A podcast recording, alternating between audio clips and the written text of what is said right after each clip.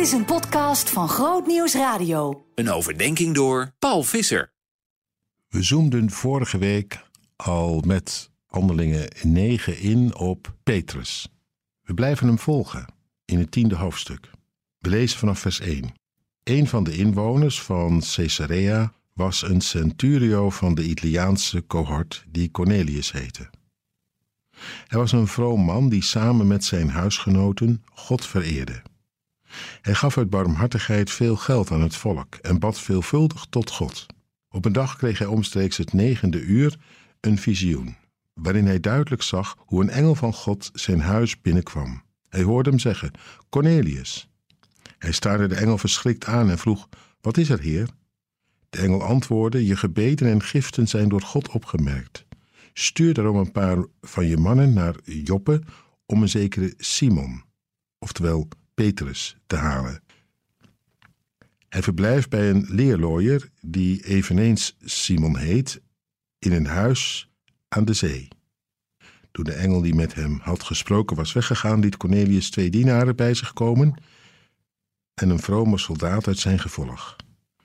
Nadat hij had uitgelegd waar het om ging, stuurde hij hen naar Joppe.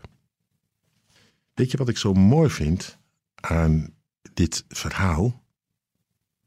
Dat die Cornelius wordt opgemerkt door de hemel. Het staat er, hè?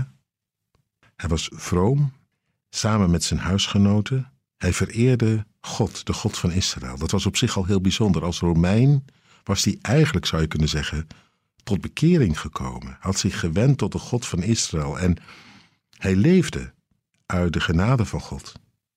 En vanuit die genade was hij zelf ook heel genadig geworden. Het had zijn leven intussen veranderd. De staat, het staat er. Heel concreet. Hij gaf uit barmhartigheid veel geld aan het volk. En daarbij ja, was er het gebed. Hij bad veelvuldig tot God. En dat was maar niet omdat het hoorde of moest, dat was een levende omgang. Die Cornelius, hij deed me even denken aan wat Bonhoeffer ooit schreef over waar het op aankomt in het christelijk geloof. Bidden en het goede doen onder de mensen. Nou, dat zie je hier. En dat wordt ook opgemerkt door de hemel. Dat staat er. Dat die engel zegt: God heeft het gezien. Je gebed gehoord. En uh, hij weet wat er in je omgaat, in jouw hart en in jouw leven. En hij wil jou graag nabij komen. Een handje verder helpen. Dat wat hij voor je heeft nog meer voor je openleggen. Een geheim met je delen. Zijn geheim. Dat vind ik mooi. Blijkbaar is God daarop uit om steeds meer van zichzelf te laten zien. Dat kun je niet forceren, niet afdwingen, maar dat gebeurt daar waar je met Hem leeft, met Hem wandelt. Dan zul je het vanzelf ondervinden dat het wordt opgemerkt door de hemel, dat jouw hart naar God uitgaat en dan zul je ervaren dat God zijn hart ook voor jou steeds meer openlegt. Zoals Jezus het zei tegen zijn leerlingen, zijn discipelen.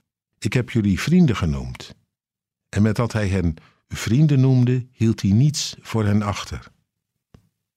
Zoiets zie je hier bij Cornelius. Je kunt zelfs nog een stapje verder teruggaan. Abraham. Hij werd een vriend van God genoemd. En Mozes.